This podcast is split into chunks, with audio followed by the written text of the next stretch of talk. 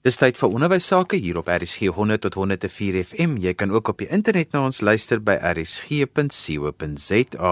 Onthou RSG word ook op die DSTV se audiokanaal 813 uitgesaai. Wanneer onderwysers onderrig gee, moet leerders verstaan waarom hulle iets moet leer. Die vraag wat ons vandag vra is: wat is die relevantie van dit wat geleer word?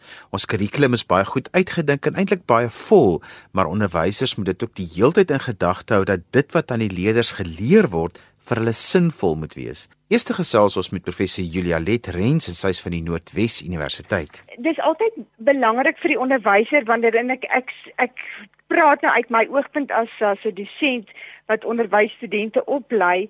Ehm um, wanneer ek vir hulle vertel en probeer verduidelik hoekom dit so belangrik is om te om die leerders bewus te maak van hoekom hulle moet leer wat hulle leer En nou skies as ek nou die Engelse uitdrukking gebruik, die so what question want kinders gaan baie keer nadat hulle 'n les gehad het dink maar hoekom is ek vandag dit leer? En dan het daar eintlik geen leer plaasgevind nie want is dis dit maak nie vir hulle sin nie. So dis dis belangrik vir onderwysers om die relevantie van dit wat hulle leer vir die leerders ook duidelik te maak. Um om vir hulle te verduidelik hoekom leer ons vandag wat ons leer? Ehm um, en daarom is dit ook so belangrik dat mense deel maak van jou beplanning vir elke dag ehm um, vir die lesse wat jy gaan aanbied. Sodat mense net 'n klomp akademiese kennis ehm um, vir die leerders gee nie en en ons onderwysers het het baie goeie vakkennis. So ons sukkel nie om die vakkennis oor te dra nie, maar ons ons wil baie keer ehm um, vergeet ons om die relevantie van dit wat ons vir die leerders leer vir hulle duidelik te maak. En en wanneer ons dit doen, is dit ook belangrik om te dink, hoe lyk die kind wat voor jou sit? En hoe watter voorbeelde gaan ek as as onderwyser gebruik om dit wat ek graag vir hulle wil leer gaan dit duidelik te maak. Ehm um, so as jy jou les beplan en jy sien die klas voor jou en jy sien die leerders voor jou, dan gaan dit vir jou makliker wees om vir hulle relevante voorbeelde te gebruik wat aanpas in hulle leefwêreld en dan gaan die leerders makliker verstaan hoekom hulle moet leer wat hulle moet leer daardie dag. Ehm um, en dit, dit daarby wil ek ook aansluit dat dit so belangrik is om te verstaan hoe lyk die diversiteit van die kinders wat voor jou sit.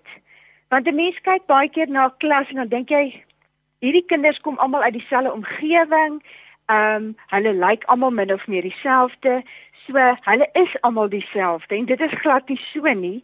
Uh 'n mens moet dink aan hoe lyk die kinders voor jou? Is dit seuns en dogters? Is dit seuns en dogters? Um watter huistaal praat hierdie kinders? Wat is hulle sosio-ekonomiese status van van die van hulle versorgers of hulle ouers? Um wat is hulle potensiaal as as individue? En watter taal kry hulle onderrig? En is dit hulle eerste taal of nie? ehm um, watter geloof hang hulle aan? Ehm um, hoe oud is die kinders? En wat se bepaalde tradisies en kultuurgebruike is in daai omgewing en al hierdie elemente gaan maak dat dit wat jy doen in die klas vir die leerders gaan relevant wees. En mens gaan dit net doen as jy voor die tyd dink oor hoe lyk die kinders wat voor jou sit. Professor Rensbad vir my belangrik is is dat ons in Suid-Afrika moet verstaan wat beteken die woordjie leer in 'n Suid-Afrikaanse konteks en dat dit nie iets soos assessering is nie, maar dat leer 'n baie bepaalde betekenis binne ons vasteland het. Ja, kyk, ek dink as 'n mens oor leer en assessering praat, dan dan is dit eintlik half ehm um, uh twee terme wat ons geïntegreerd moet gebruik in die klas ook. So ons wil nie net ehm um, kennis vir vir leerders oordra wat hulle uit hulle koppe uit moet ken en vir ons moet teruggee met 'n eksamen nie. Ons wil vir hulle vaardighede en waardes aanleer wat hulle gaan gebruik in hulle lewe vorentoe. En ons sien dit so duidelik as ons kyk na die kurrikulum, ehm um, wat eintlik baie mooi geskryf is. Ehm um, as ons kyk na die kurrikulum en assessering beleidsverklaring van elke vak ehm um, wat aangebied word, dan dan wil ons hê um, ons leerders hê wat probleme kan oplos en om probleme te kan oplos moet hulle dit identifiseer. So dit gaan meer oor net leer uh, 'n uh, klomp inhoud leer en dit weer weergee in die eksamen. Ons wil hulle eintlik ehm um, ontwikkel as individue wat in die samelewing 'n bydrae kan lewer, wat wat saam met ander mense kan werk, wat hulle self kan organiseer, wat inligting kan bymekaar maak en wat dit krities kan evalueer. En ons wil ook leerders hê wat die vermoë het om te kan kommunikeer met met die kennis wat hulle wat hulle opgedoen het en die vaardighede en die waardes wat hulle leer deur hulle skoolloopbaan. Professor Rens, maar iets wat vir my interessant is van die Suid-Afrikaanse onderwysstelsel op die oomblik is ons sit met 'n oorvol kurrikulum wat so propvol is van inligting en vaardighede en dinge wat kinders moet verwerf dat ek baie keer wonder is die fokus nie te veel op die kurrikulum en dalk te min op die leer wat moet plaasvind nie. Ja, Johan, dit is eintlik so mense hoor regtig baie die klagtes van onderwysers wat sê ehm um, die die kurrikulum is so vol, ek kry nie alles gedoen nie. Daar's nie tyd dat ons ordentlik oor hierdie goed kan gesels in die klas nie want ek het soveel goed wat afgehandel moet word en punte wat gereed ehm um, moet wees, ehm um, dat ek heeltemal met jou saamstem. Ehm um, en daarvoor het ek nou nie regtig 'n oplossing vir die vol kurrikulum nie.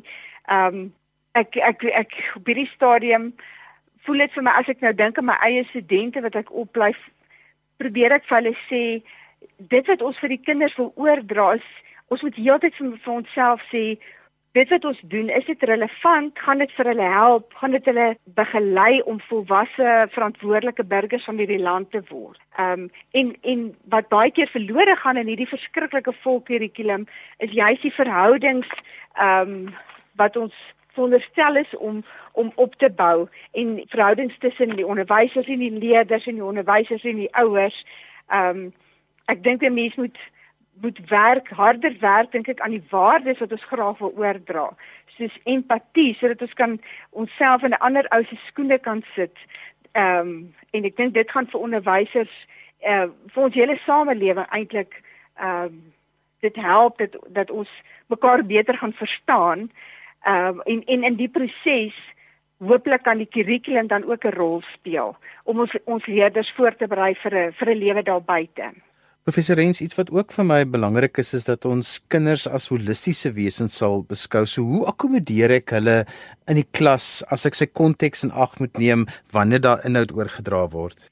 Dis verskriklik belangrik dat ons die kind nie net sien as 'n wese vir wie ons 'n klomp kennis moet oordra nie. Ons moet hierdie kind sien as iemand wat wat ons graag wil ontwikkel as as 'n holistiese wese, as as 'n as 'n persoon wat op emosionele vlak, op fisiese vlak, op morele vlak, ons wil op al daai vlakke wil ons ons kind voorberei vir die vir die lewe daar buite.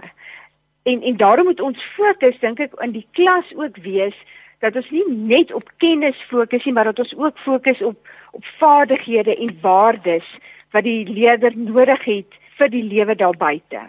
En so gesels professor Rens en sy's van die Noordwes Universiteit. Volgende gesels ek met meneer Greg Maree en hy's 'n skoolkenner.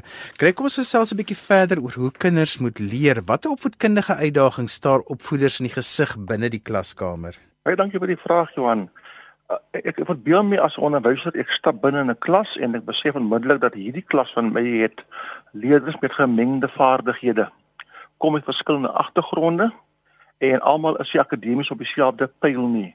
So die groot vraag is hoe gaan ek die kurrikulum suksesvol lewer aan 'n klas kinders gesien teen daardie teen daardie agtergrond. Ek sit ook met 'n groep kinders wie se gedragsuitdagings verskillend van aard gaan wees en dit is moontlik by 'n tipe skool wat of goed georganiseer is, maar by wat die kurrikulum betref of, of ook nie goed georganiseer is nie.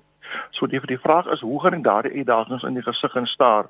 Want uh, ten einde uh, alles is ek as onderwyser die een wat die sukses van die van my kinders moet verseker uh, gebaseer op die manier hoe ek daardie kinders gaan gaan benader. Dis 'n baie groot groot uitdaging die gedragsaspek sowel as die die feit dat leerders is divers in hulle genetiese samestelling en hulle sosiale agtergronde en en en ook wat die verskillende skole waarvan dan hulle kom as dit graad 8 klas is of uh, selfs die verskillende omstandighede waaruit hulle kom binne in die klaskamer. So dis die groot uh, die groot uitdaging. Die ander groot uitdaging is is as onderwyser, hoe goed is ek vertroud met die kurrikulum En die inhoude van die kurrikulum uh, is 'n groot uitdaging om baas te wees van die kurrikulum as onderwyser om seker te maak dat die konsepte wat ek moet onderrig, verstaan ek self voor ek dit aan die leerders gaan gaan gaan gaan gaan, gaan, gaan oordra. So daardie twee twee uh uitdagings Johan as dit grootste is wat die onderwyser gaan gaan in die sig in die gesig gaan staar wanneer hy binne in die klaskamer gaan gaan gaan gaan stap hoe om die kurrikulum effektief te lewer en die feit dat hy gaan werk met 'n groep diverse kinders wat en vaardighede betref, agtergronde betref en en so meer. Kyk, wat is die hoofdoel van die kurrikulum as dit kom by leer? Die kurrikulum gewoonlik jy onderstaan uit twee komponente. Daar is die formele kurrikulum soos in CAPS wat ons noem die akademiese kurrikulum van die skool En dan afhangende van die beheerliggaam van die skool en die opvoeder van die skool is daar die nie akademiese kurrikulum wat ons ook noem die buitekurrikulêre kurrikulêre kurrikulum wat in baie gevalle afgeskeep is by skole en wat soveel waarde kan toevoeg tot die kindsontwikkeling. Ons praat hier van sport en kultuur en so meer wat die kind se ander mens wees, sy sosiale gedeelte, sy emosionele ontwikkeling en so meer uh, on, on, on, on, ontwikkel. Die kurrikulum moet die kinders in totaliteit opvoed opvoedkundiges som gewoonlik die kurrikulum op as uh, as as drie vaardighede wat die onderwyser nastreef. Kognitiewe vaardigheid of die inhoud wat jy by die kind moet uh, moet moet tuisbring. So daardie gedeelte is belangrik.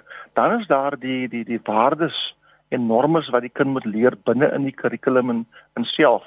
Maar meer belangrik is die vaardighede wat die kurrikulum die kind moet aanleer om te oorleef uh, binne ons land of binne in 'n nasie of ook aan waar die ongeval gaan bevind. So die kurrikulum streef dus na waardes aan die een kant, vaardighede aan die ander kant en kennis of inhoude soos in die akademiese kant van die kurrikulum gesien. En dis basies in 'n nutshell wat die onderwyser aan die kinders moet lewer vir die jaar. Greg, kom ons praat gou vinnig oor die woordjie assesseer want daar's tog 'n verband tussen assessering en leer, maar in Suid-Afrikaanse skole voel dit vir my dat assesseer word verwar met leer. Dit definitief. As amper soos die hoender en die eier wat kom eerste. Uh is is is self van uh, kom lief eerste of kom assesseer eerste. Die twee gaan hand aan hand Johan, hulle is is so nou geveg dat die een lê na die ander een. Ek gaan 'n voorbeeld gee. Ehm um, wanneer ek wiskunde onderrig breke en ek ek ek, ek, ek onderrig die kinders dan gee ek 'n taakie wat ek gebruik as assesseringstaakie om die les te verstaan om te kyk of die kinders my konsep van optelling van breuke verstaan het.